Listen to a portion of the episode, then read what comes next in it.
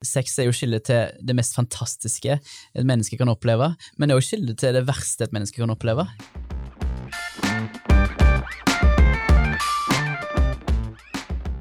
Og en kan jo få inntrykk av at det er porno som er problemet, men porno er bare symptomet på et eller annet problem som ligger dypere i oss, da. Som ligger dypt i mannens hjerte.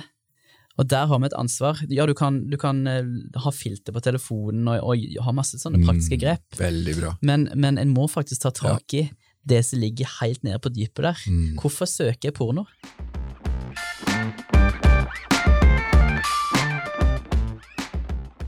Porno river ut noe av vår grunnessens, som er å ære det motsatte kjønn og beskytte.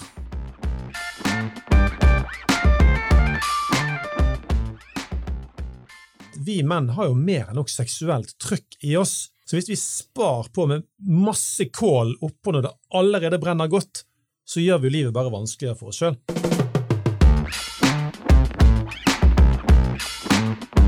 Du hører Mannspodden jakten på mannsidentitet. Bli med Andreas Skjelde og Einar Helgaas på din vei mot autentisk maskulinitet.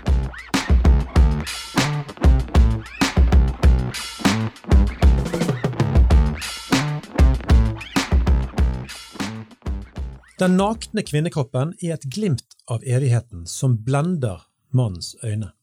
Han har knapt kapasitet til å virkelig ta inn over seg hvilken skjønnhet han får del i. Velkommen til Mannsbåden, jakten på mannsidentitet. Du hører Andreas Skjelde, og Einar, vi sitter ganske tett i dag. Ja, vi, vi er tilbake der med at vi må dele mikrofon, så vi er, jeg ikke, mange menn tror jeg liker litt sånn rom rundt seg, men nå må vi liksom kjøre brotherhood her. Ja, Og du er fremdeles mannsguide, ikke sant? Du har ikke tredd av ennå? Neida, jeg eh, bidrar i dag også, så får vi se hvordan det går. Ja, det er bra. Og angående porno, Einar, har du noen erfaringer med det? Ja, altså jeg har en veldig fascinerende historie som vi kan ta her i starten. Eh, Jeg gikk på barneskolen, sannsynligvis femte eller sjette klasse. Jeg hadde en kompis i eh, Åsane der, Eh, og dette var jo dette var en analog tid, for å si det sånn. Og vi var jo da og snokte rundt bak Essoen i Åsane, bort på Nyborg, og der som fyllikene pleide å samles, der kunne det ligge igjen noe etter de. Så vi vet du, eh, hadde jo aldri hverken hørt om disse tingene. Ingen har snakket om det. Der finner vi også noen sånne våte blad som eh, vi så ganske spennende ut. Så tar vi det med oss hjem i garasjen eh, vår. Eh, og vi eh, tenkte hva skal vi gjøre med disse bladene? Så ja, Vi må tørke det, det er jo vått. sant? Så finner vi fram eh, sånne svære Bergens Tidende sånn som de var før, og begynte å tørke på disse bladene. Og her kommer jo disse kvinnekroppene og delene fram. Eh, eh, og, vi, sant, eh, nyfikne og nye på, på ferden, oppdager disse tingene. Så kommer min bror, da, som er fem-seks år eldre enn meg, altså, han kommer da inn døren og buster oss mens vi sitter på gulvet og tørker pornoblader. Så, så det, var, det var mitt første møte med, med porno. Eh, Og faktisk så er det, altså bare med tanke på dette, det visuelle som vi skal ganske snart snakke om, altså menn og visualiteten i dette med kvinnekropp, jeg kan fortsatt nå, da, jeg nærmer meg jo 50, dette er jo da kjempemange år siden, jeg kan, jeg kan eh, erindre liksom noe av det, et av de, de bildene vi så akkurat da. Og det er så lenge siden. Spennende. Og vi har fremdeles med oss Gjermund Øystese og Leksis Lund. Velkommen igjen til dere. Tusen takk. Takk, takk. Det vi skal begynne med å se på nå først, det er rett og slett mannens forhold til kvinnekroppen. Dette visuelle. Jeg ser jo i utgangspunktet på dette som, som megasvært. Det er jo helt sentralt i menneskeheten, attraksjonen mellom mann og kvinne. Det har ikke vært noen menneskehet uten attraksjon mellom mann og kvinne, som selvfølgelig eh, gir barn og disse tingene. Men det jeg har forstått her gjennom mine år med denne tematikken, er at eh, det er ganske klare kjønnsforskjeller. Eh, Menn tenner maksimalt på det visuelle, mens kvinner tenner mer på en type helhetlig opplevelse av romantikk og berøring. Jeg påstår ikke at en kvinne ikke tenner på en naken mann, det tror jeg på, men likevel tror jeg at det fins klare forskjeller her. Alexis, vil du begynne? Altså, Hva vet vi om dette? Jeg tenker jo um, nesten vi begynner på feil plass. Ja. Vi må, før, vi må før det fysiske. Hva er kvinnen? Hva er det hun svarer på? Og um, hva er det hennes hennes uh, biologi og hennes fysikk faktisk har å si for, uh, for meg som mann. da. Hun er jo et mysterie. Uh, det, det, må vi leve med, og det er, det er nydelig at hun er det. Uh, for vi er jo rigga, tror jeg, da, ut ifra hva vi er, uh, til å utforske. Og bruke lang tid på å utforske. Ja, Hvis du ikke var et mysterium, så ville jo det ikke være så mye Spennende. å utforske. Altså En mann som ja. drar til Alaska for å utforske villmarken mm. der, har masse å innta. Ja. Og hun er spennende. Og, og hun er spennende til å begynne med.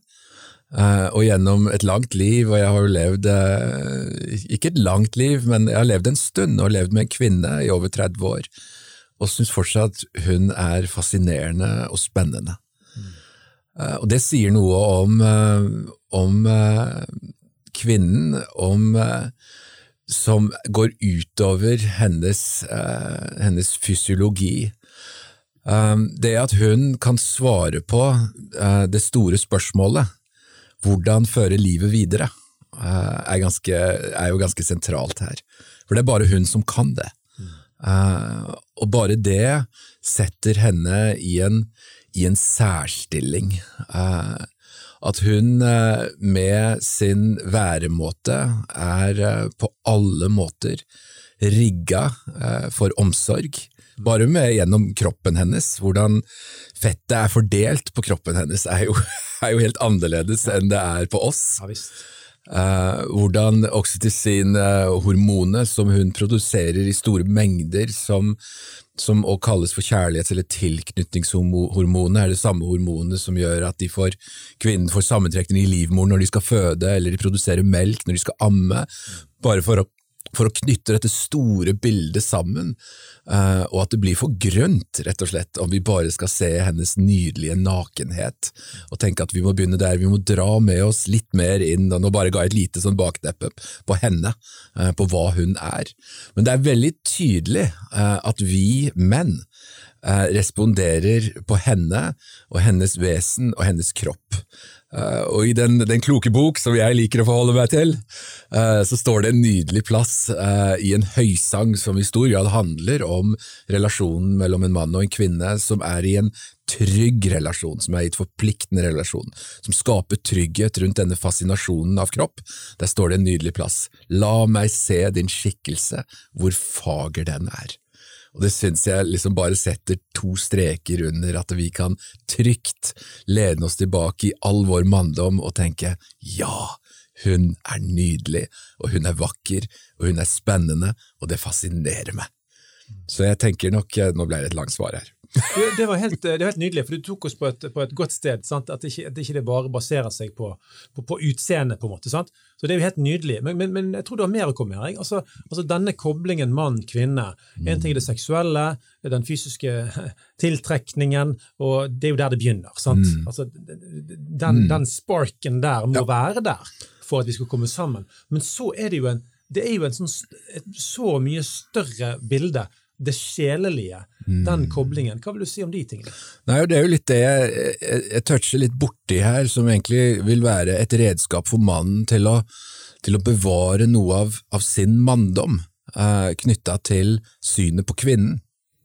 Fordi at når, når, kvinnen da blir beskrevet, hvis jeg, og jeg vet ikke noe annen plass eh, som gjør dette en, på en bedre måte enn den gode boken som eh, jeg da forholder meg til, som Bibelen, Guds ord, som forklarer dette med et språk som bare er så utrolig nydelig. Og Hvis vi hopper inn igjen i, i Høysangen, så er det jo eh, Han pugger Høysangen, han. Han er, han er så snacksy, det som står der. Han pugger, ja, ja, det er, det er virkelig snacksy. Altså, det er uh, det er det, og der, der, er det jo en mann som beskriver uh, en, uh, en, kvinne.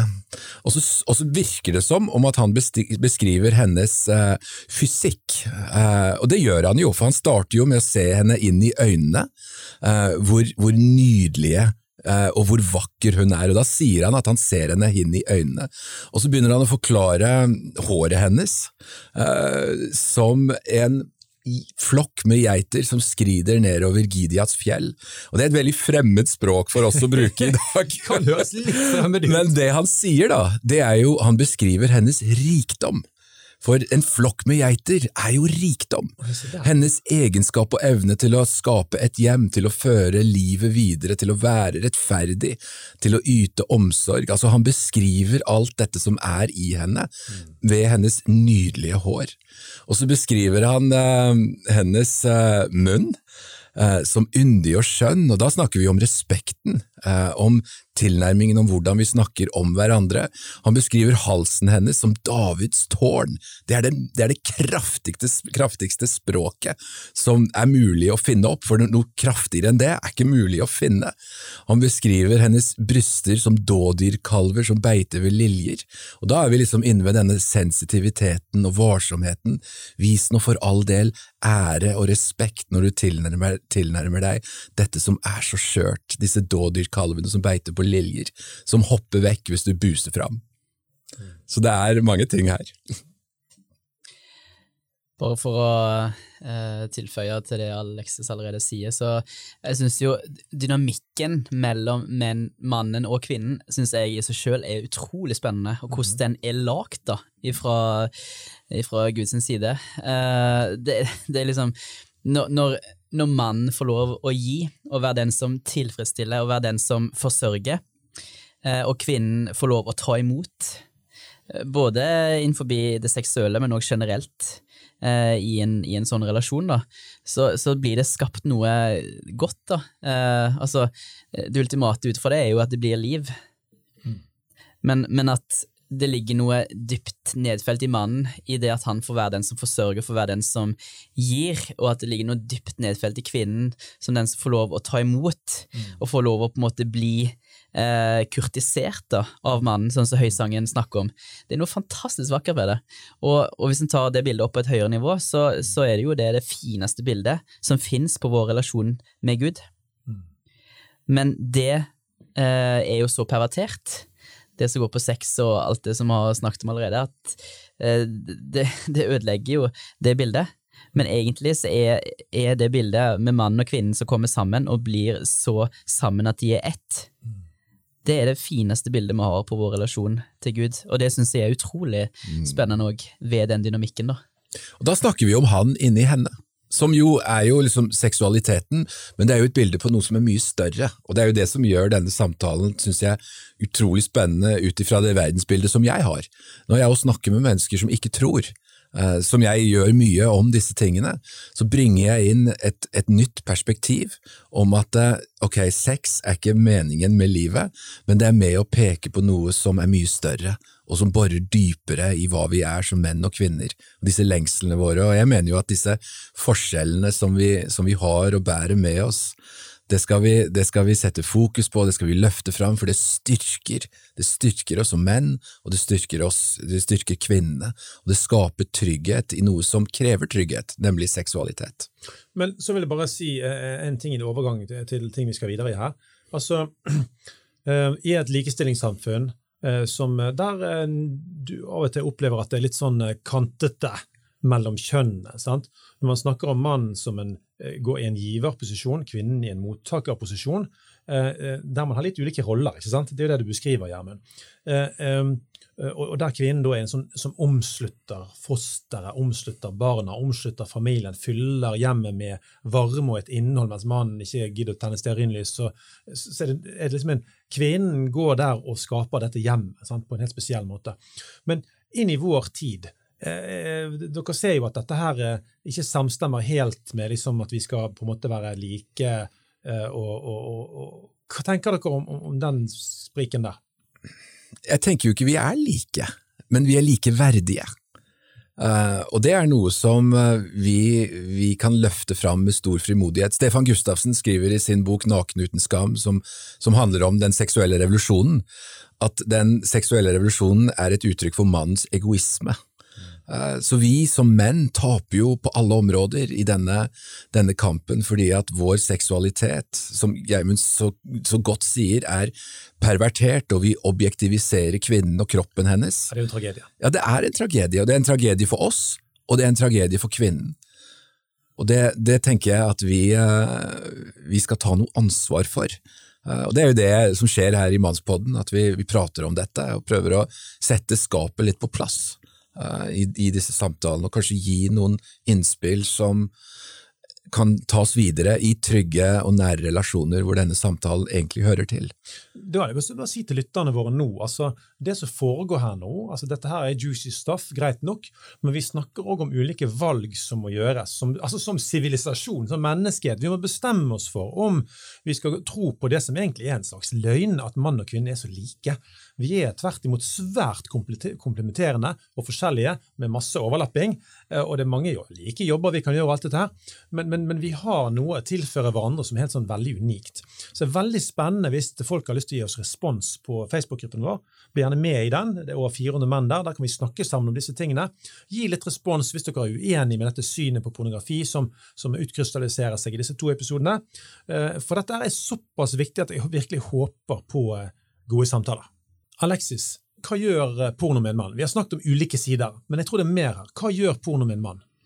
Jeg tenker jo på mange måter at porno river ut noe av vår grunnessens, eh, som er å ære eh, det motsatte kjønn, og beskytte. Eh, og dette har vi jo vært litt igjennom, hvor, hvor destruktivt eh, denne industrien er, og, og, hvor utnyttende og kynisk den er. Og når vi da tar del i den, som menn, så gjør det noe på dypet av oss, og vi lever utforbi hva vi er designa for, rent biologisk, men òg ut ifra vår natur som vesen, som, som jeg da tror, ut ifra mitt verdensbilde som, som kristen, skapt i Guds bilde. Litt, litt, litt, mer om det. Altså, altså, altså, at du som mann blir demaskulinisert i møte med mhm. porno. Kan ja. du si litt mer om det, sånn at vi skjønner litt mer hva du mener? Vi som menn er designa til å gi beskyttelse, uh, fordi at vi har breiere skuldre. Og når, når, vi bare forsyner oss og tar noe, og tar oss til rette, så gjør det noe med dypet av oss som menn som jeg da tenker er negativt. En sånn eh, nedadgående negativ spiral en av egoisme. spiral.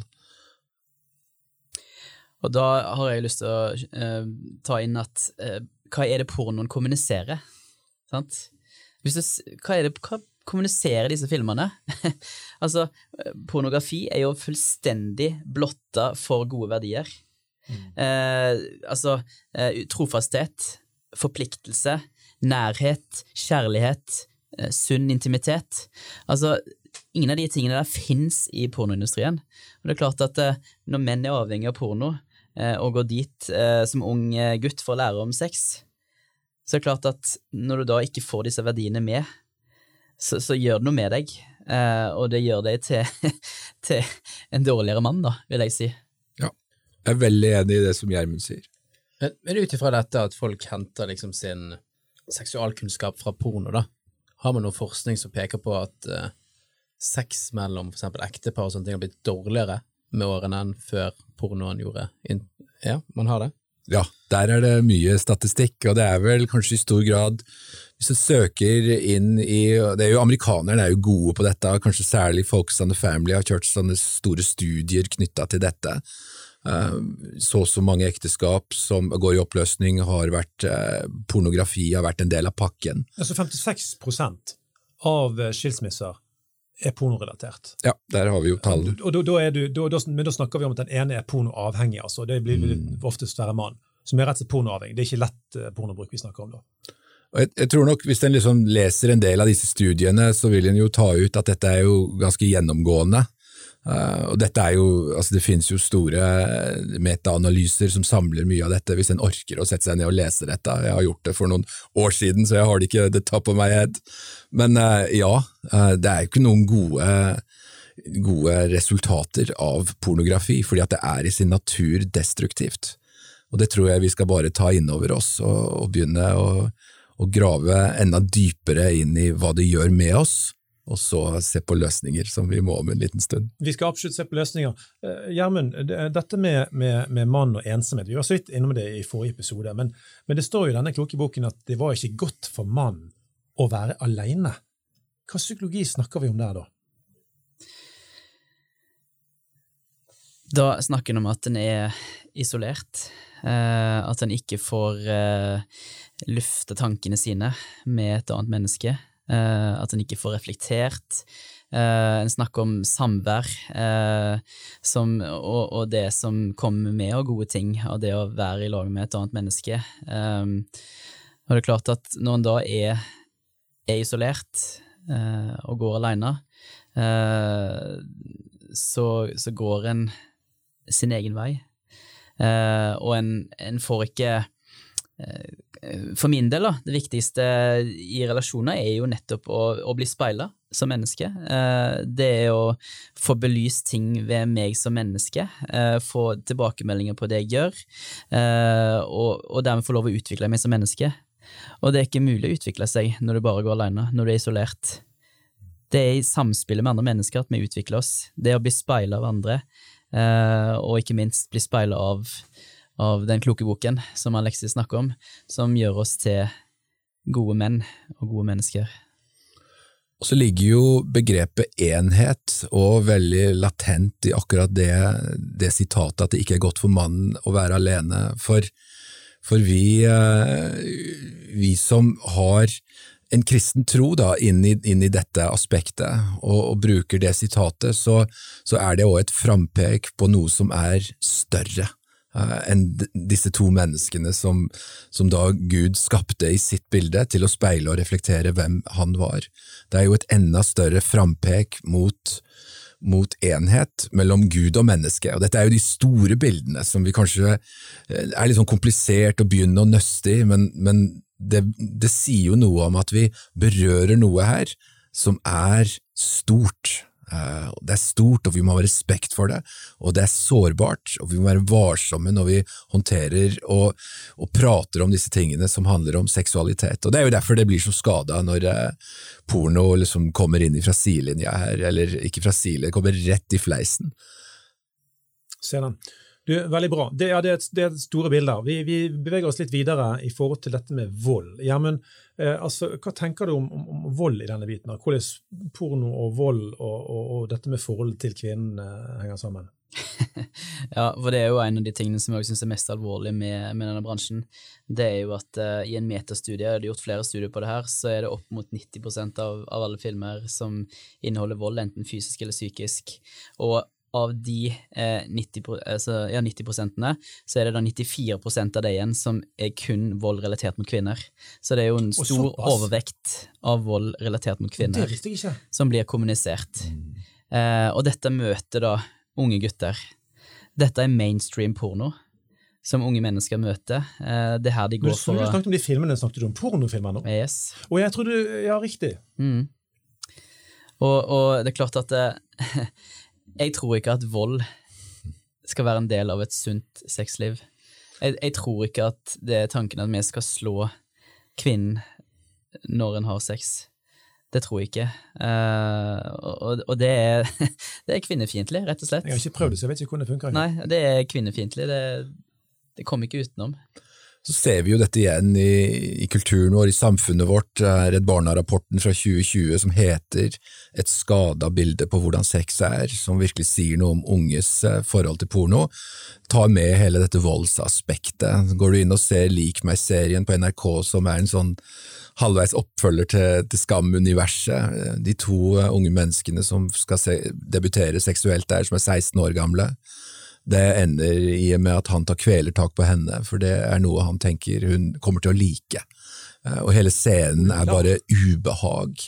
Disse seksuelle overgrepene vi så ned på Sørlandet som ble begått mellom unge mennesker mellom 16 og 17 år, uh, inn på offentlige ca. tre år siden. Ja. Uh, inn på offentlige toaletter sier jo både helsetjenesten og politimyndighetene at mye av det de har sett der, er jo tatt ut av rett ut av skriptet på, på mainstream porno, som, som Gjermund sier her, som er voldelig. Da har jeg en liten tankerekke som jeg har lyst til å, å teste litt ut her. Um, det er jo sånn at pornoen den framstiller jo i stor grad jenter som, som horer, som aldri skal si nei til sex, de skal bare være tilgjengelige når gutten vil det, og gutter blir framstilt som voldtektsmenn som bare skal få lov til å få sex når de vil. Jenten skal være tilgjengelig, og mannen skal få det han vil ha. Eh, pornoen i dag den setter jo i stor grad normen, dessverre, da, eh, for vår seksualitet eh, og holdninger til sex. Og da spør jeg, for det, når en vet faktaene at én av ti norske kvinner har blitt voldtatt En vet at de fleste voldtekter skjer i alkoholpåvirka tilstand. Ok? Mm. Uh, en vet at uh, stadig flere unge velger å se på porno, og de, de, velger å bruke det som i praksis da, eh, norm for hva det vil si å ha sex, og hva sex skal romme og inneholde. Uh, og det er da i stor grad vold.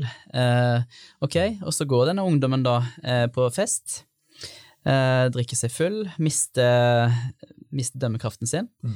og har da Altså, hjernen hans er blitt omprogrammert til å tenke at jo, men jenten skal være tilgjengelig.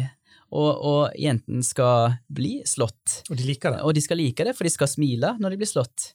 Og så vet en jo òg at en tredjedel jenter òg ser på porno, sant? så de har jo òg sett det samme som guttene. Og de, de tenker jo at jeg, jeg, må jo være tilgjengelig, det er jo det porno kommuniserer, jeg kan jo ikke si nei. Sant? Og så er det jo selvfølgelig blanda med alle disse forventningene som er i ungdomstiden, da. Sant? Og at, at, du kanskje liker gutten litt og ikke tør å si nei når han spør om en skal ligge sammen. sant? Og så skjer det da dessverre en voldtekt i praksis. Er, er, er det helt far-fetch? Å, å, å, dra denne slutningen? Nei, det er, jo, det er jo eh, svært usunne tendenser i kulturen vår da, på dette. Og vi har jo sannsynligvis bare sett uh, starten. Eh, altså Dette her vil jo bare fortsette å forverre seg eh, i årene som kommer, så lenge ikke noe skjer i kulturen vår. Det er jo derfor du reiser rundt overalt, Alexis. men sant? Og politiet til og med sier jo at de har observert stadig økende voldstendenser i, i ungdomsrelasjoner. Mm. Erik Husby som, er, som var ute og uttalte seg om det her for noen år siden. og ja. ja. Jeg vil tilbake litt til, til, til, det med dette trykket som ligger bak dette. her. Altså, når du kommer til alle disse uttrykkene som vi snakker om nå.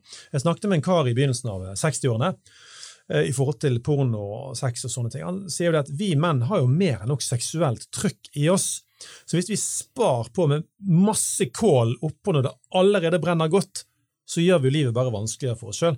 Det minner meg litt om Eh, jeg er jo vedprodusent. Sant? Og når du brenner ved, så skal du, du skal gjøre det på en skikkelig måte. Sant? Men tenk deg at du har lagt inn eh, en del kubber i ovnen, det brenner noe voldsomt, et inferno inni ovnen, så åpner du opp for å hive inn en ny kubbe. Og vi har jo faktisk på stuen hjemme gulvet vårt så har vi svimerker når en eh, i familien som ikke skal si navnet på, gjorde det en gang, åpne opp, så bare datt det ut kull, og det var helt kaos. Men det er et eller annet med å hive på mer kull når du allerede har en seksualitet som si, på en naturlig og, og, fin måte. da. Altså, det er jo ikke noe galt i det. Det er jo, det er jo sånn seksualiteten vår skal være, men så overstimuleres den. sant? Hva tenker dere om en eh, sånn type bildebruk på dette? Nei, Jeg kan jo dra det enda lenger, for jeg har jo en hjemme hos oss og prøvde å hive en sånn liten sprayboks inn i ovnen hjemme hos oss. det smalt! Det smalt. Og det, det, er jo porno. Det var en sånn kremfløte, men det var, det var samme, samme, pakken. Det samme gassen. Nei, altså, det, det smalt. Uh, og det er klart, det er noe med det er noe med at vi, vi nører på med et eller annet som, eh, som vi ikke, de, definitivt ikke er rigga for, fordi at sex handler om trygghet, det handler om prosess og relasjon og nærhet, og da funker jo biologien vår helt annerledes. Ja, så Noen vil jo si at sex handler om utløsning, men da snakker du om at ja, det skjer en utløsning, men det er en ramme, og hvis vi glemmer rammen, så blir ikke dette noe som egentlig gjør oss sjøl godt. Ja. Det, hva tenker du om det? Nei, Jeg tenker jo uh, at det av og til så handler det om det, og det må vi liksom akseptere og ta inn over oss, men uh, det handler jo om å elske. Hvis vi skal virkelig, virkelig grabbe tak i det. Og da, da må vi uh, Da må vi eh, rigge oss på en annen måte når det kommer til seksualiteten vår og hvordan vi skal håndtere den. For hvis det er det det handler om, å elske noen, og det handler jo om å gi, ikke å forsyne seg og ta, eller ta seg til rette og da, da, er vi jo på et helt annet nivå, eh, og et mye høyere nivå, når det kommer til hvordan vi skal behandle oss selv og vår egen seksualitet og kroppen vår, eh, og den vi elsker. Og jeg har en del unge menn som kommer til meg og spør eh, om denne brannen som vi snakker om her, mm. går det vekk? Uh, blir det roligere med årene? og jeg ser på de og smiler, og jeg håper jo ikke det for din del. Nei, for all del, jeg gir de ikke noe håp. Men så sier jeg til dem, men jeg håper jo du klarer å plassere det der det hører til. Det skal jo kanaliseres. Ja, det er bra ned, men det må kanaliseres på en fornuftig måte.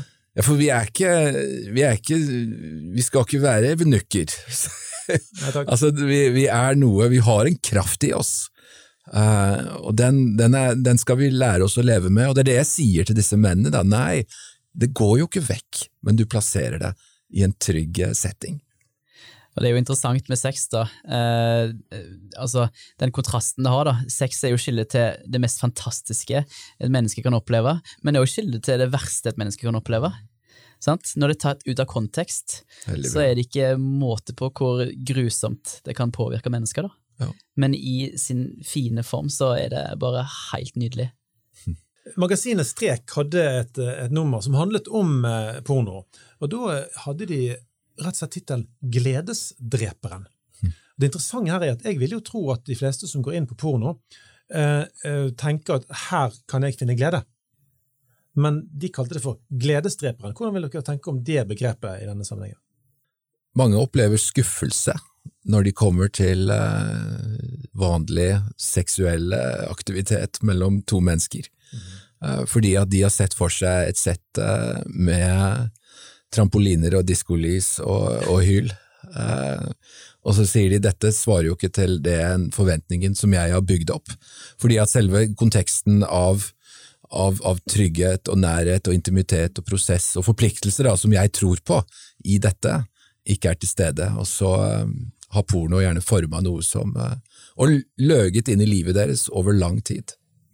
Hva tenker du om Gledesdreperen, eh, Gjermund? Nei, jeg tenker det at som mennesker så, så sammenligner vi. Eh, det er ikke til å unngå. Men det er klart at eh, jo flere seksuelle relasjoner du har vært i, jo mer porno du har sett, eh, jo mer du har blitt påvirka av disse tingene, så, så gjør jo det at du, du begynner å sammenligne, og du, du blir ikke fornøyd da, med det du har. Altså Gresset grønne på andre siden er jo en sånn klisjé, da, men det er jo noe i det òg. Og jeg, jeg tror jo det at eh, jo, jo færre seksuelle relasjoner, hvis en ikke har hatt det i hele tatt altså Fantastisk for de menneskene som får lov å oppleve det. For de får lov til å gå ned en vei, de får lov å, å utforske og være eventyrere sammen i, i, i det seksuelle, da, som, som bare de to kjenner til. Og der tror jeg vi går glipp av noe så vanvittig i vårt samfunn i dag, for alt er så tilgjengelig. Alt er oppe i dagen. Du får sett alt, og du får gjort alt hvis du vil. Men det er noe med å på en måte Det her hører til der, og det er eksklusivt. Fordi det er bare de to som kjenner til det. La meg si to ting. Det ene er at I går kveld så var jeg i Lillesand hos mitt mentorpar og mitt, min kones mentorpar. Eh, De hjalp oss med ekteskapet vårt over ganske mange år. Det er en egen historie jeg kan fortelle en annen gang.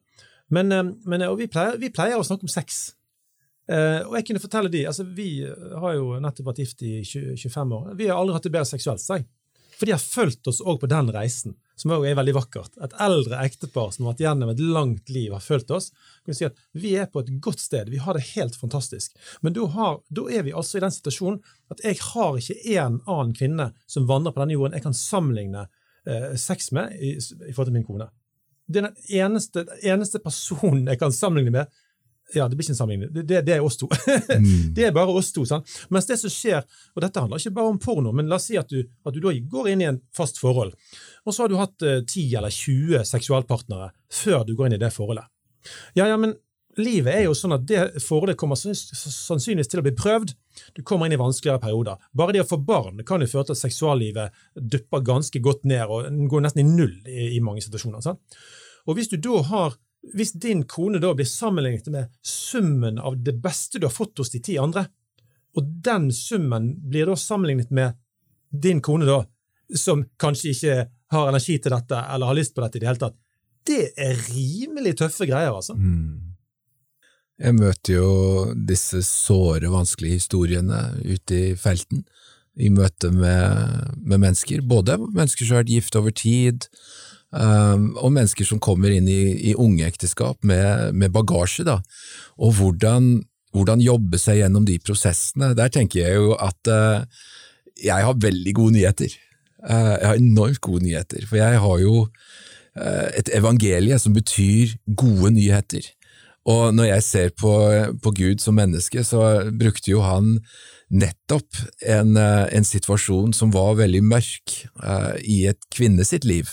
Hvordan Jesus velger uh, seg ut en kvinne med en historikk uh, knytta til avhengighet av menn, og ikke bare én menn, men mange menn, men han velger ut henne for å proklamere seg selv som levende vann for oss som tror. Og det snakker rett inn i livet, eh, og rett inn i ekteskapene til, til mange, mange ektepar som bærer med seg bagasje inn. At vi er ikke redd for å ta borti disse temaene og prate om disse temaene, og løfte opp denne sårbarheten, og bli ferdig med det og snu oss rundt og gå videre.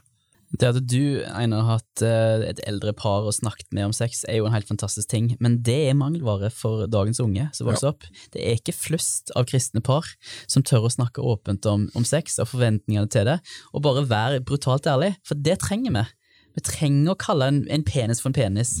Vi trenger å snakke om sex eh, på en ærlig og åpen måte. Det, det, er ikke noe poeng å gå rundt grøten, fordi dagens unge de, de er rett på sak. I hvert fall på skjermen. Så. Ja, der, ja, ja. Og der, der, der, har kirkene en vei å gå, altså. Mm. Og, og snakke om dette her på en god måte. Hvordan skal jeg som kristen og singel forholde meg til sex? sant? Eh, hvor går grensene? Det er så mange aspekter her som bare vi må snakke om det. Jeg tror vi alle, Det gjelder jo alle. Jeg tror, jeg tror alle trenger å snakke mer om sex. Eh, litt av hva valg man har gjort òg, selvfølgelig. Sant? Det er jo noen som ikke vil gå inn i dette. Men, men det jo, de aller fleste vil jo det. Mm. Og der, Jeg tror vi alle trenger å kommunisere mer om det. Og eh, Det blir kanskje litt for mye fjasing òg rundt omkring, sant? Eh, men snakke skikkelig om det. Jeg opplever jo ute i, ute i, felten hvor jeg møter mange, både ganske unge mennesker, eh, altså sånn under konfirmasjonsalder og liksom den alderen der, eh, men også unge voksne mennesker, og, og, voksne mennesker på min alder, at eh, når vi begynner å bygge mening, for det må vi jo gjøre, vi må knytte mening til sex, for det har en hensikt. Eh, da begynner jo en, en, å slå på, på lysbryterne her, og en begynner å vekke en nysgjerrighet at er det kanskje en annen historie enn den jeg har blitt fortalt gjennom, gjennom TikTok eller YouTube eller porno. Men en ting som jeg synes det er, altså det, det er litt sånn pointed og sterkt sagt, men er porno galt? Er det, er det umoralsk? Bare for å kante det helt opp der og se hva dere faktisk sier der, Gjermund og Alexis. Ja. Ja. Det er et klart svar. Eh, det er et klart svar. Pornografi betyr jo eh, å illustrere prostitusjon. Sex er ikke for salg. Ikke sant? Eller up for grabs. Og når du ser alt det som pornobransjen nå kommuniserer, som vi har snakket om allerede, og alt det den gjør av, av rammevirkninger og inn mot menneskehandel og, og, sånne ting, det er klart det er det er bare negative effekter ved den bransjen. Det fins ikke noe som heter etisk porno. Det, det, nekter jeg å tro. Er det noen som bruker det begrepet? Det er noen som bruker bærekraftig eller kvinnevennlig eller etisk porno ja, som begrep. okay. Og mener på at da, da, er det greit, for da er det regissert av en kvinnevennlig regissør. og da, da, da. Men nei. Kvinnevennlig regissør. Det der går jeg ikke med på. Nei. Jeg er helt enig i det. Det fins ikke. De jobber og strever for å finne en innpakning som gjør at de skal få slippe gjennom. Ja, og pornobransjen har jo òg et eget uh, nettsted der, kan, uh, der, unge kan lære om sex. Uh, Pornhub for eksempel har sånn sex education. Altså, jeg syns bare det illustrerer sånn der grønnvasking av, av pornoindustrien. da. De prøver liksom å framstille seg sjøl som de gode som skal formidle liksom hva sex er til unge. sant? Men så vet jo de at når unge er på siden der og liksom skal lære om sex, selvfølgelig ser de på porno, og da har de nye forbrukere med seg med en gang tjener en milliard til. Ja, nei, det er en skitten bransje. Det er vel ikke Ja, det er en fryktelig skitten bransje.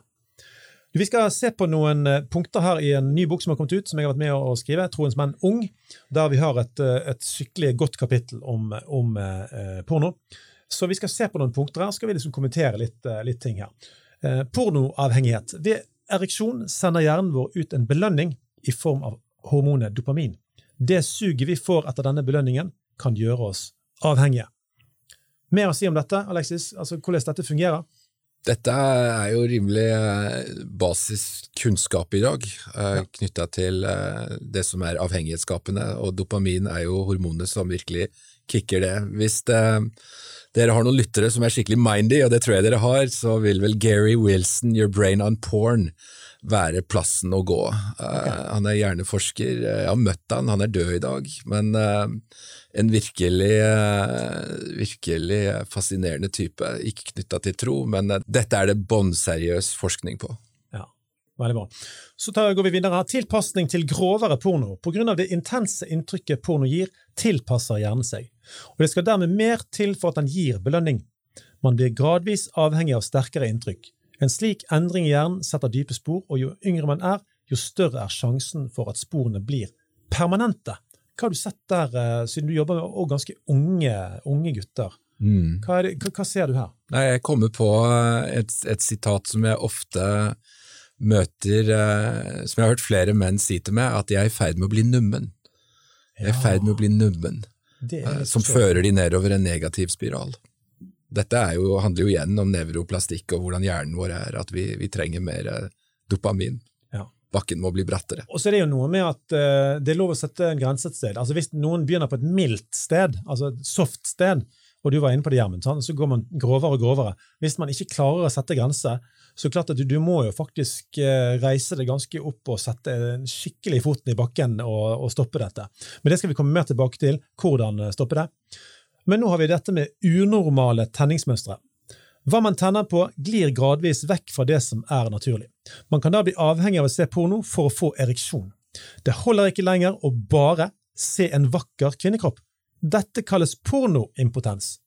Når man da elsker med kona si, kan man fort ende opp med å ikke tenke på henne, men på en pornofilm. Impotensen gjør at mange må ha kjemisk hjelp. Ifølge tall fra Reseptregisteret steg salget av potensmidler 2006 til 2016 med 94% for alder 15 til 19 år, og med 88% for alder 20 til 22 år. Hva er det som skjer med landet vårt? Altså, det, er jo det, det er jo det som er motivasjonen for meg som ikke er gift. Jeg har ikke lyst til å komme i den situasjonen at eh, jeg ikke får reisning når jeg er i lag med min kone. Mm. Altså, det, det er en skrekk, liksom. Hvis jeg må ta i bruk ja, Viagra, eller, eller liksom må se på en pornofilm liksom, for å få reisning for å kunne ha sex med kona. Så Ja, det, er ikke det demaskuliniserende, egentlig? Altså, for det, altså, det, reisningen for en mann unnskyld meg, det er jo ikke akkurat spesielt usentralt i maskulinitet. Dette har det vært gjort eh, studier på inn i det amerikanske forsvaret av eh, han jeg nettopp nevnte, Gary Wilson, som Ja. har jobba inn med denne tematikken og eh, med utviklingen av smarttelefonen og tilgang til porno, hvor eh, dette med pornoimpotens eh, har vært eh, det som har vært forska på. Og ja, dette er fakta. Ja, det, det er jo kjempestore farer med, med konsekvensene for seg sjøl med porno. Det er jo helt tydelig. Men det er jo litt sånn som med røyking, da. eh, At en, en ser jo ikke nødvendigvis konsekvensene her og nå. sant? Du er ung og du røyker og du tenker at dette her er bare gøy og fint, sant? og så kommer du liksom 20-30 år ned i, videre i livet, liksom, og så får du kreft eller kols eller sant. Altså liksom, Men det ser jo ikke du når du røyker. Nei. Sånn er det jo med porno òg, at du begynner gjerne lett, og det er bare, liksom, bare nysgjerrig, og da, da, da, sant? og så bare så befinner du deg i ekteskapet, da, eh, 10-20 år seinere, sant, og så bare Oi, dette har påvirka meg mer enn jeg trodde. Sant? Ja, og ikke minst til de unge lytterne våre. Sant? Altså sette, Hvis man har begynt å smake på det, så håper vi den informasjonen og det vi jobber med her, sant, Andreas, at det er liksom, du får litt sånn skikkelig veiledning her på hva du kan gjøre i, i den tidlige fasen. Videre her, sex blir et skuespill. Porno er regissert og retusjert. Den som ser på, vil ofte ta med seg dette regisserte og kunstige inn i sitt eget sexliv. Man kopierer måter å oppføre seg på uten at man tenker over det. Man kopierer en usunn måte å oppføre seg på fordi man tror det er slik man skal oppføre seg. Alexis, hva eh, har du hørt om disse tingene her? Ja. Det, vi snakket jo nettopp om det i stad, egentlig, hvordan voldsspiralen eh, styrer en del seksuell atferd. Men eh, jeg vil jo utfordre mannen her til å legge ut på denne oppdagelsesreisen eh, uten eh, bagasje. Mm. plukke opp, eh, plukke opp trofasthet og intimitet og nærhet og trygghet, og utforsk dette. Spar sexen til, til eh, bryllupsnatta. rett og slett. Det vil være mitt råd. De var nakne, Adam og hans hustru, men de skammet seg ikke. Og Det betyr at de eh, utforska dette sammen, Ja, helt fra scratch. helt fra scratch. Dårlig selvbilde. Filmene fremstiller kunstige, unaturlige pornokropper som blir forbilder for dem som ser på. Disse kroppene får vanlige folk til å se ut som tapere. Ikke helt enig i den, for det, pornouniverset har alt. Eh, det er mye retusjert, men det er òg stadig mer eh, vanlige mennesker som spiller inn filmer og, og laster det opp. Uh, oh, ja, ok. Så det er ja. ikke, det er ikke Bransjen alt, har liksom full bredde her. Av... Det er full bredde, ja. Helt klart. Og selvfølgelig for å treffe stadig flere og få flere til å forbruke det. da. Ja. Er del, der er jo en del egen kategorier og innenfor revenge porn, uh, som jo er helt vanlige folk som har hatt sex, og så er forholdet blitt slutt, og så har de lagt ut uh, disse filmene, og det er jo vanlige kropper. Så, så her har vi her, her, har vi liksom en, en blanding. Uh, Revenge porn. Jeg sitter bare og tenker på det du nettopp sa. Det er jo mm. helt sykt. Ja, det er sykt.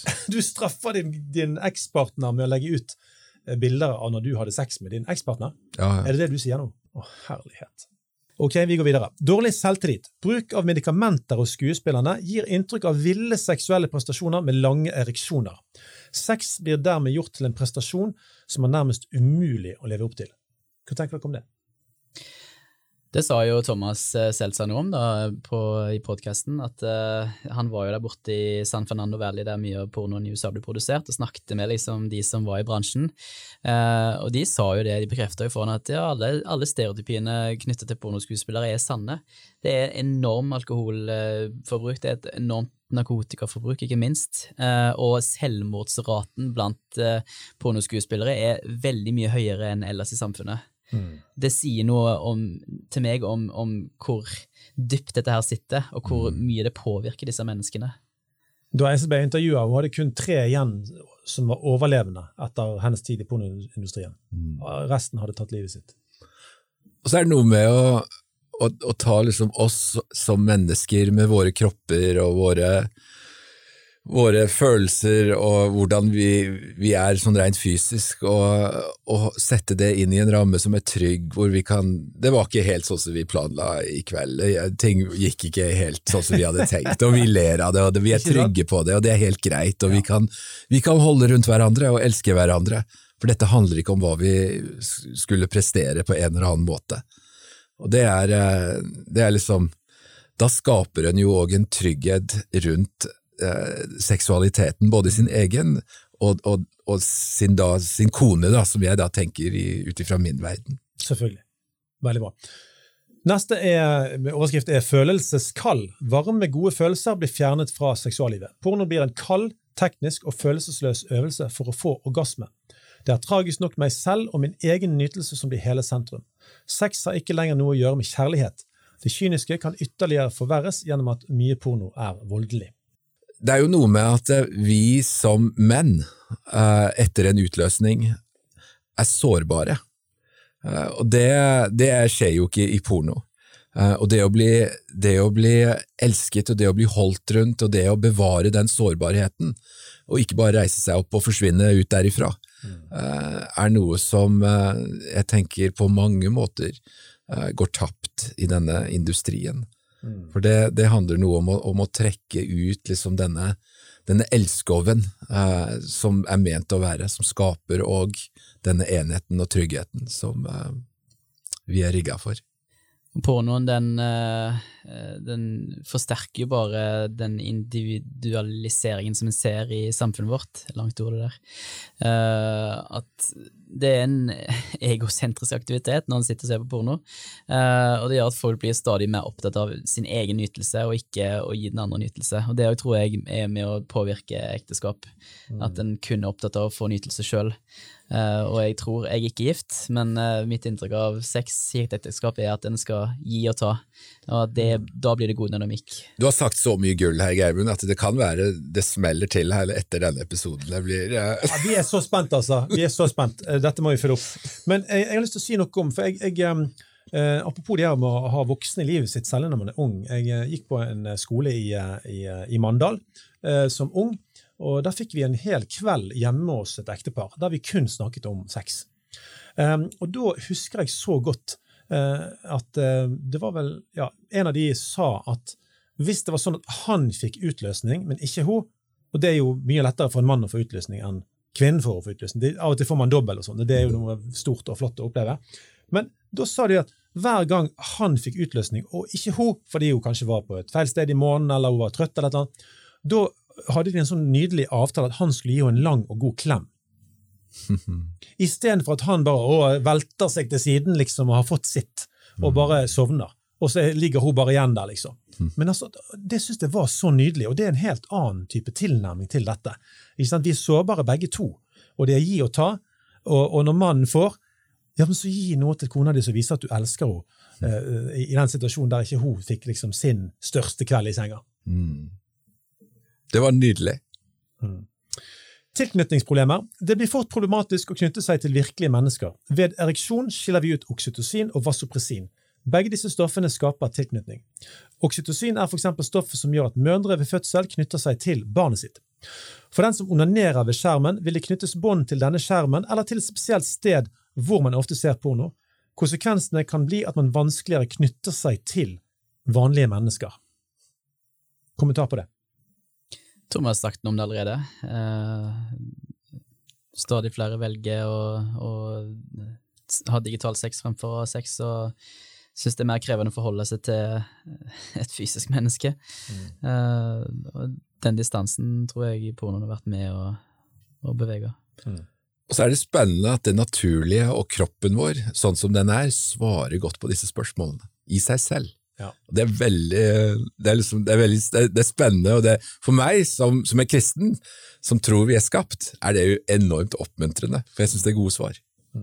Farlige forventninger. I mange filmer blir jenter behandlet svært stygt. Budskapet er at selv om jenter sier nei, så liker hun det innerst inne. Noen ganger formidles det til og med at hun har en hemmelig drøm om å bli voldtatt. Har dere vært borti dette før? Dette er jo budskapet som uh, formidles gjennom porno, um, som eh, en ser igjen i, eh, i både språk, uh, uttrykk, holdninger og i atferd. Så ja, dette er uh, kjent. Det vil jeg egentlig si i stad, men jeg syns det er paradoks da at ordet porno er blitt et superlativ. Eh, Det er blitt et sånn positivt begrep, og det var syk porno. Og den bilen her var syk porno. Og du verden, såpass, ja. Sånn, Så det det jeg seg inn i dagligtalen vår som en sånn positiv greie, liksom. Uff da! Som er helt Ja. Godt poeng. Ikke bra. To korte her. Kvinner mister altså sin verdi i dette systemet. Kvinnen blir en verdiløs bruksgjenstand. Det er vi altså ikke for. Det flytter grenser. Sunne, gode grenser blir flyttet på, og kan til slutt bli helt borte. Og Det er jo en stor fare her. Når du mister respekten for menneskene rundt deg, og du bare turer på i, i tråd med dine egne behov, veldig, veldig farlig. Og så vil jeg ha kommentar på den siste her. Altså doblet sjanse for skilsmisse og tredobbelt for utroskap. Hvis én eller begge i et ekteskap ser porno, er sjansen for skilsmisse dobbelt så høy, og sjansen for utroskap er over tre ganger så høy. Kommentar til det. Dette oppleves jo som, eh, som utroskap, og ut ifra min, min verdensforståelse så er det det. For det er å, å sette, sette i gang fantasier og handlinger og atferd knytta til eh, en annen kvinne. Så eh, de statistikkene de setter to streker under at seksualiteten vår er sårbar og trenger beskyttelse og rammer. Det er jo sånn i, i vårt hode da, at når en først har sett porno, eh, så tenker en jo åh, nå har jeg gjort det, så nå kan jeg like godt gjøre det igjen. Og Sånn er det med sex òg. Nå har vi først hatt sex, vi har gått over den grensen, så vi kan like liksom godt gjøre det igjen. Og Da vil jeg si til de som lytter og sliter med disse tingene, at det er alltid lov å trekke grensene opp på ny. Fordi om du har gjort noe, så betyr ikke det at du ikke har lov til å ta et skritt tilbake. Gjermund, du er, som er opptatt av rettferdighet, og, og som er med oss i denne utrolig spesielle tematikken vi jobber med i dag, porno, eh, har et ekstra blikk for dette med menneskehandel og den siden av pornoindustrien. Hvor vil du begynne når du, når du, når du skal sette lytterne inn i dette med, med, med pornoindustrien og menneskehandel? Det er at uh, det henger tett sammen. Um, et veldig dagsaktuelt eksempel er på grensene til Ukraina. Eh, så får du, en, du får millioner av mennesker som flykter over pga. Uh, konflikten i, i landet. Eh, og blant de så er det svært mange enkeltmennesker. Det er svært mange eh, enslige kvinner Svake. eh, som da går over grensene, og som eh, ønsker å bli hjulpet, selvfølgelig. Eh, ønsker bare å få et trygt hjem å komme til, og trygge rammer. Og der står det menneskehandlere på, på rekke og rad som bare plukker ut disse kvinnene. Uh, de lokker gjerne med jobb, uh, og så tar de dem med seg. og de tar fra de identitetspapiret, de tar fra de bankkort, de tar fra de alt de kan bruke for å komme seg unna situasjonen. og disse kvinnene da blir gjerne tvunget til å ha sex på, på webkamera, betalt. Og mange av de òg blir tvunget til å prostituere seg og leve da i det vi kaller for moderne slaveri. Mm. Det er realiteten i dag. antall slaver på verdensbasis har gått opp fra 40 til 50 millioner. På hvor lang tid? på forrige måling var, eller Statistikken her er fra 2018, hvis jeg ikke tar helt feil. Um, koronapandemien og krigen i Ukraina har, har forsterka og ført stadig flere mennesker ut i, i sårbar situasjon, som gjør at de risikerer å bli utnytta eh, inn mot moderne slaveri. Eh, og, og, der ser en at mange av de pornofilmene som eh, florerer på nettet, er dessverre kvinner som lever i, i eh, slaverisituasjon. Du, Jeg tar inn òg eh, fra Nepal, der eh, disse tingene òg eh, er utbredt. Barn blir gjerne fraktet til prostitusjon i India. Selvfølgelig får ikke de høre at det blir prostitusjon, de, de tror de skal noe annet. Sant? Så her, bare hør på dette. Dette er et klipp fra en samtale når et barn ankommer sitt nye hjem. i anførselstegn. Hvor er jeg? Hvorfor er jeg her? Hva skjer? Jeg vil hjem, sier Patricia. Det eneste som betyr noe, er at du gjør det jeg sier, svarer bordelleieren. Jeg vil ikke være her, sier hun denne gangen sterkere. La meg gå, jeg vil ikke være her. Bordelleieren bare ler og går. Patricia ser seg fortvilet rundt i rommet. Der sitter det 19 andre jenter med tomme blikk. Det finnes ingen mulighet til å komme bort herfra, sier de. Du skal jobbe som prostituert. Dette er jo årsaken til at uh, nettopp Nepal uh, har definert pornografi som en trussel mot folkehelsen, på grunn av den store slavehandelen som da foregår mm. med barn uh, ut av det landet. Ja, det er, en, det er jo en, det er en, kjempe, en kjempetragedie. Men, men, men, altså, eh, fordi vi nå er mot siste fase her av, av, av, denne episoden, som blir litt lengre, folkens, eh, fordi vi vil gjøre ferdig en del viktige ting her, så er det dette med at når, når, når man sitter liksom oppe i en dal i Norge og trykker inn på porno, eh, hva skal dette menneskehandelperspektivet ha for en? Sant? Hva skal du tenke om at du går inn der for din egen, eh, eh for din egen, eh, egen seksuelle forlystelses del? Hva skal det med menneskehandel ha å si for det klikket du gjør der? Fordi ting henger sammen, og pornoen den får oss til å tenke at kvinner bare er objekter. Men disse kvinnene som er, som er, på disse filmene, er, det er liv, da. Mm. Det er mennesker, det er ikke et objekt. Uh, og når en klikker innpå der, så er en med å forsterke etterspørselen etter pornografi. Og gjerne òg etter materiale uh, som en har søkt på. Uh, child er et av de mest søkte ordene i, i pornouniverset, og er med å drive etterspørselen. og det gjør at menn går så langt til, som til å bestille voldtekt av barn i de verste tilfellene, for sin egen forlystelse. Det er realiteten mm. på det verste. Ja, vi er tilbake til ordet umoralsk, definitivt. Og, og, og, det, og det, er derfor menneskehandel òg er, er, en realitet, da. Fordi at det er dessverre en etterspørsel der ute. Mm. Her har det jo kommet så mange ulike ulike fakta knytta til industrien, at det, jo, det, må jo være en enorm appell da, til oss menn eh, å kunne ta tak i noe av dette og ta ansvar, noe som er veldig bra for oss. Mm. Eh, fordi at vi er eh, definitivt eh, rigga for det og laga for å kunne ta ansvar. Og Da er jo dette menneskehandelperspektivet, tenker jeg, som kom inn nå, ja. et, et, et, godt endelig punktum på hvor, eh, hvor, destruktivt dette er. Og da, da, må vi jo begynne å rigge oss for å gjøre noe annet og gjøre noe med det. Mm. Ja, det handler jo om, sant? Vi snakker om kanalisering her. altså Seksualiteten ligger i oss, den, den har et trykk. Det trykket er stort. Eh, varierer helt sikkert fra mann til mann, for så vidt, men det er stort nok til at det har ført, menn, altså ført menn inn i et, et enormt pornoforbruk. ikke sant? Så det å, det å, for Vi skal bevege oss nå inn i på en måte litt mer sånn løsningspraten her. sant? Ok, Men hva gjør vi med disse tingene? Vi er enige om at dette her er destruktivt, og det har ulike sider vi har vært inne på. Men, men det å leve et liv der du er aktiv, for det trenger vi være, og der vi vi er sosiale, der vi er ute i fjellet, der vi spiller spill med venner, der vi, altså, der vi, lever et liv som ikke er et isolert liv bak en skjerm, og der du, sant, der du kjenner på, på, på, vanskelige følelser, ensomhet, alt mulig, og, og, går inn i en sånn spiral som drar deg nedover. Ja, for Her er en inne på noe sentralt. For hva var det som skjedde i Edens hage når Eva ble frista? Jo, Adam sto og så på. Han gjorde ikke noe med det. Mm. Og det ligger noe der, da når mannen er passiv, når mannen ikke tar ansvar og ikke er, er leder, ikke sier nei, og tar et valg. Og leder, det er, jo, det er, å sette et skille, det er å si at nei, du vender deg bort ifra det her. Eh, når mannen ikke gjør det, det, er da Ja, mye, mye av det negative vi ser i vårt samfunn, kan dessverre spores til at mannen ikke tar ansvar.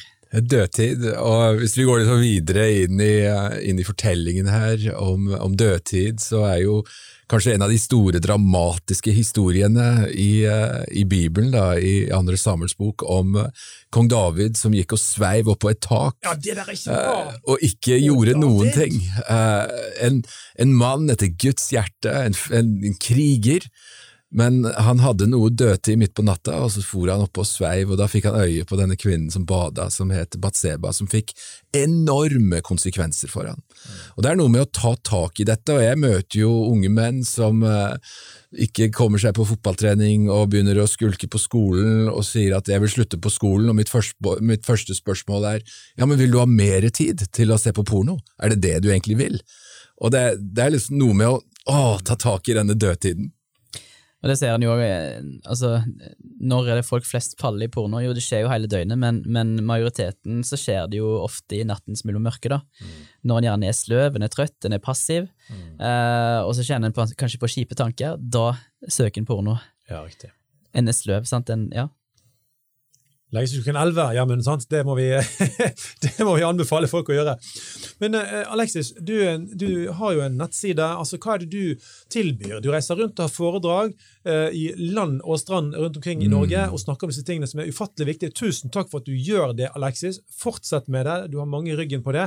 Jeg tror du får flere i ryggen på det når folk ser konsekvensene av uh, pornografien. Mm. Men, men, hva er det du har å tilby på denne nettsiden? og Det er litt samtaler og coaching og litt sånne ting jeg har hørt rykter om her. Kan du fortelle litt om hva, hva som er der? Jo, tusen takk. Og det, det, er jo Denne pornografien har egentlig ført oss uh, inn i et nytt spor uh, som heter En bedre historie. Og det er jo mer og mer det som, uh, det som jeg jobber med, handler om. Hvordan snakke om en bedre historie. Hva er det vi egentlig er ment for. Men pornografi har på alle måter, og er fortsatt en sånn en, en, en døråpner inn i, inn i dette som, som, er vanskelig og utfordrende å snakke om. Og på nettsida vår, som, som, er under ombygging nå, eh, som kommer til å se liksom litt mer ut som en bedre historie, der ligger det blant annet et nettkurs. Ja. Som heter Frihet fra pornografi, hvor en får en, innføring i, uh, i, ulike mekanismer som vi har snakket om her. Uh, alle disse ulike tingene med, med hjernen vår og, og, vold og avhengighet og alle disse tingene som vi har vært inne på, har vi liksom baka inn i et nettkurs som en god del menn melder seg opp på. Du kan til og med melde deg opp sammen med en e-coach.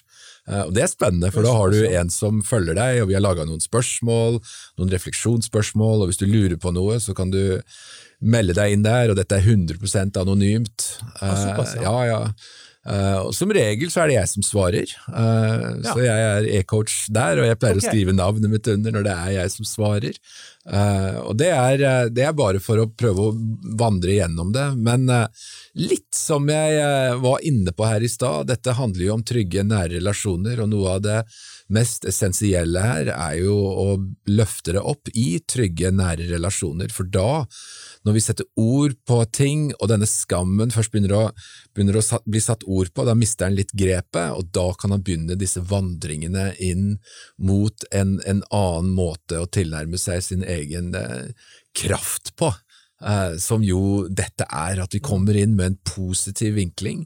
Uh, at det er ikke noe gærent med det, det er ikke noe i veien med det. Det er en god kraft, men hvordan, hvordan bruke den uh, til, å, til, å, bli det du er ment å være som mann?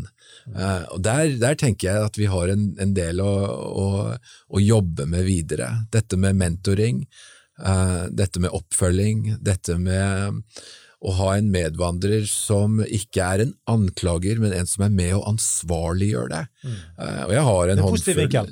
Ja, det er, det er, en positiv vinkel, og vi, vi, er nødt for det. og Dette vet vi jo, at positiv forsterking er noe vi mennesker fungerer veldig godt på. Uh, vi trenger ikke, vi, klarer, vi er mer enn nok fæle med oss sjøl, og vi trøkker oss sjøl med Det er rikelig. Uh, vi trenger ikke at andre rundt oss gjør det, vi må ha folk som er med å løfte oss. Uh, og når ting går gærent. Uh, og Da snur vi oss rundt, og så går vi en ny runde. Og så er det masse praktiske ting med hvordan kan du eventuelt blokkere og stoppe tilgang.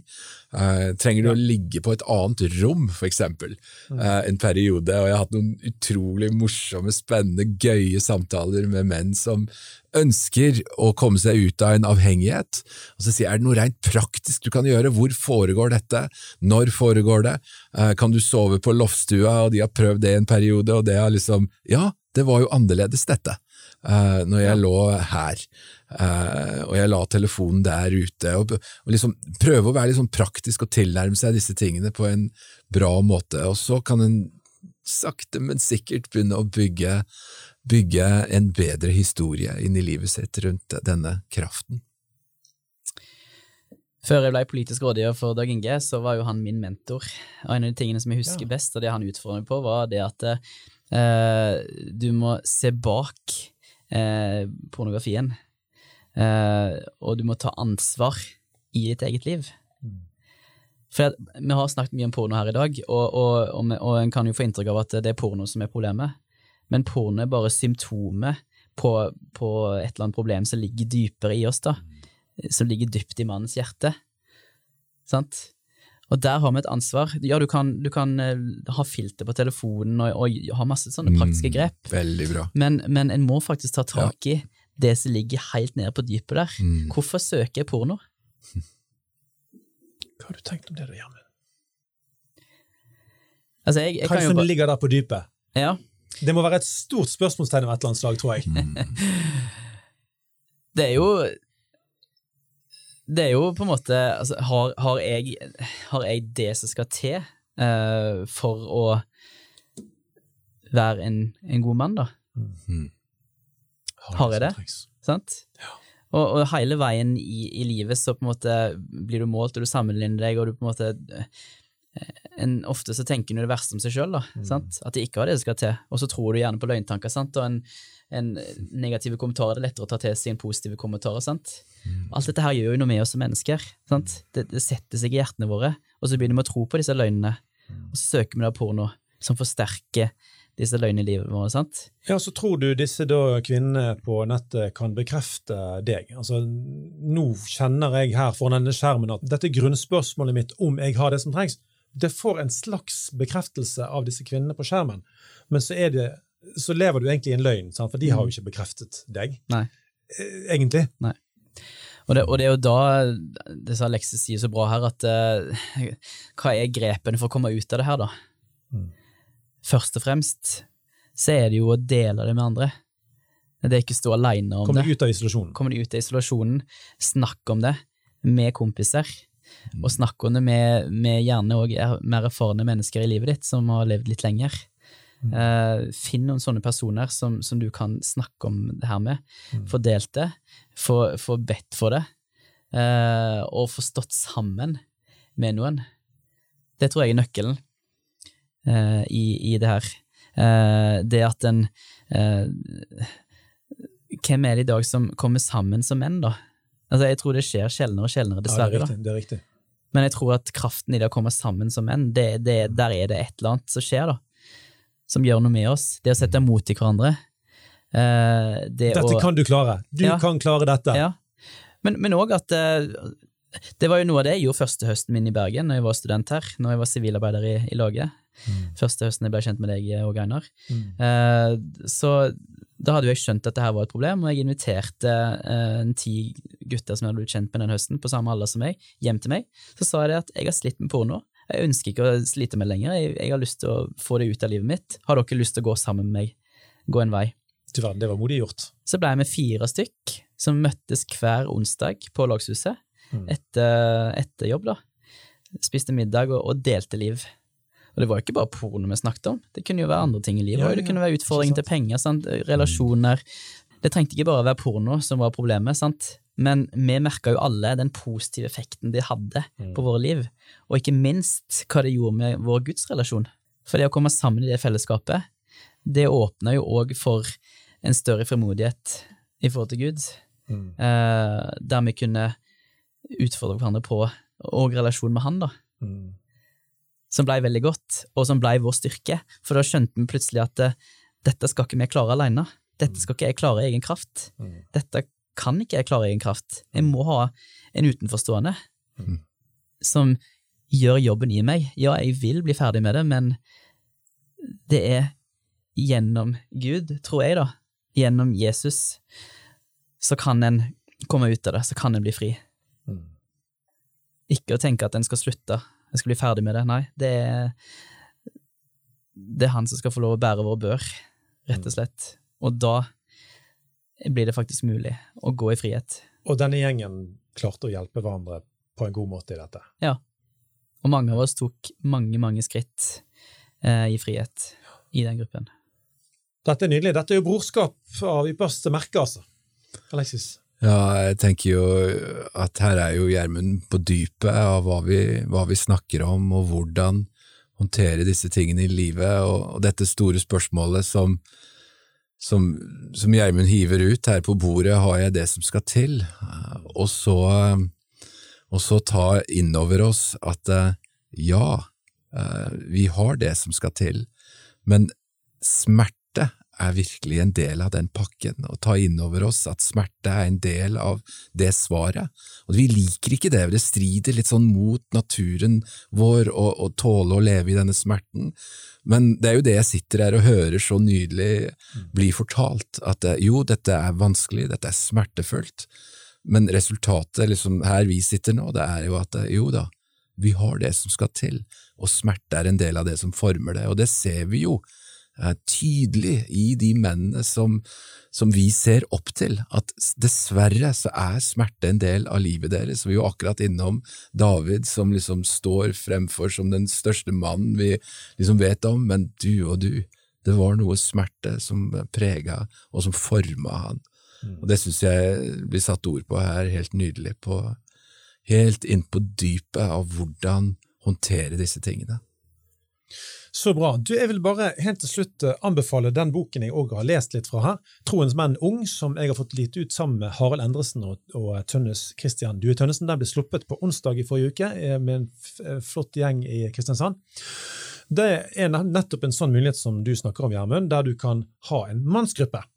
Eh, Og tror ofte vi gutter ikke Vi, vi, legger vi, har, vi tror ikke at andre vil være sammen med oss, nesten av og til, tror jeg. Vi har blitt så isolert at vi liksom ikke helt har denne frimodigheten til å spørre andre. Du, skal vi samles annenhver uke og fyre opp noe mat og, og, og ta en prat om noen viktige tema? Så denne boken den, eh, den har elleve forskjellige kapitler, tar opp elleve grunnleggende tema, blant annet porno, med gode spørsmål som man kan jobbe med i gruppe. Eh, Og så bygger man dette brorskapet som, som, som har på en måte forvitret så mye. Vi er nødt til å ta det tilbake igjen og stå sammen som menn for å ta det ansvaret som du er så god på å løfte fram jevnlig, Alexis. Hvis vi ikke tar ansvar som menn, så mister vi noe av det som er hele grunnen til at vi er her på jorden. Vi skal ikke surre rundt vår egen navle, våre egne lyster, at jeg skal hele veien få det bedre og bedre. Men vi trenger å stå sammen for å gjøre verden til et bedre sted. Og det hjelper å stå sammen i mannsgruppe.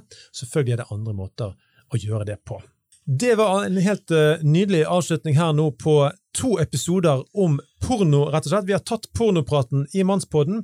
Vi ønsker respons fra eh, våre lyttere, fordi dette er såpass juicy stuff. Ikke sitt hjemme og tenk masse sterke ting om dette nå uten å, uten å kommunisere rundt det. Alexis har fortalt om mulighetene som ligger i hans nettverk. Vi setter kjempestor pris på om du vil dele Mannspodden med ditt nettverk. Finn en måte å gjøre det på hvis du tror at andre trenger å høre dette. Vi har som sagt en Facebook-gruppe med over 400 menn som har et litt sånn internt fellesskap der. Vi deler ulikt stoff. Det anbefaler vi å bli med av. Og så spør vi som vanlig, eh, til de som har hørt oss eh, si dette over 40 ganger før, gøy å høre det igjen, men eh, kan ikke dere være så snill å skrive noen reviews og gi oss noen stjerner både på Apple Podcaster og Spotify? For det gjør at vi bres lenger ut. Vi liker å ha litt sånn god vind i ryggen fra våre lyttere. Takk for det. Og da, Andreas, da takker vi for oss på Aymara. Jan Mayampitaki! Mens du venter på neste episode, del gjerne Mannsbåten med fem andre menn, så de kan koble seg på jakten på mannsidentitet i en kjønnsnøytral tid. Hvis du ønsker å lære enda mer om denne tematikken, følg Mannsbåten på sosiale medier. Vi snakkes.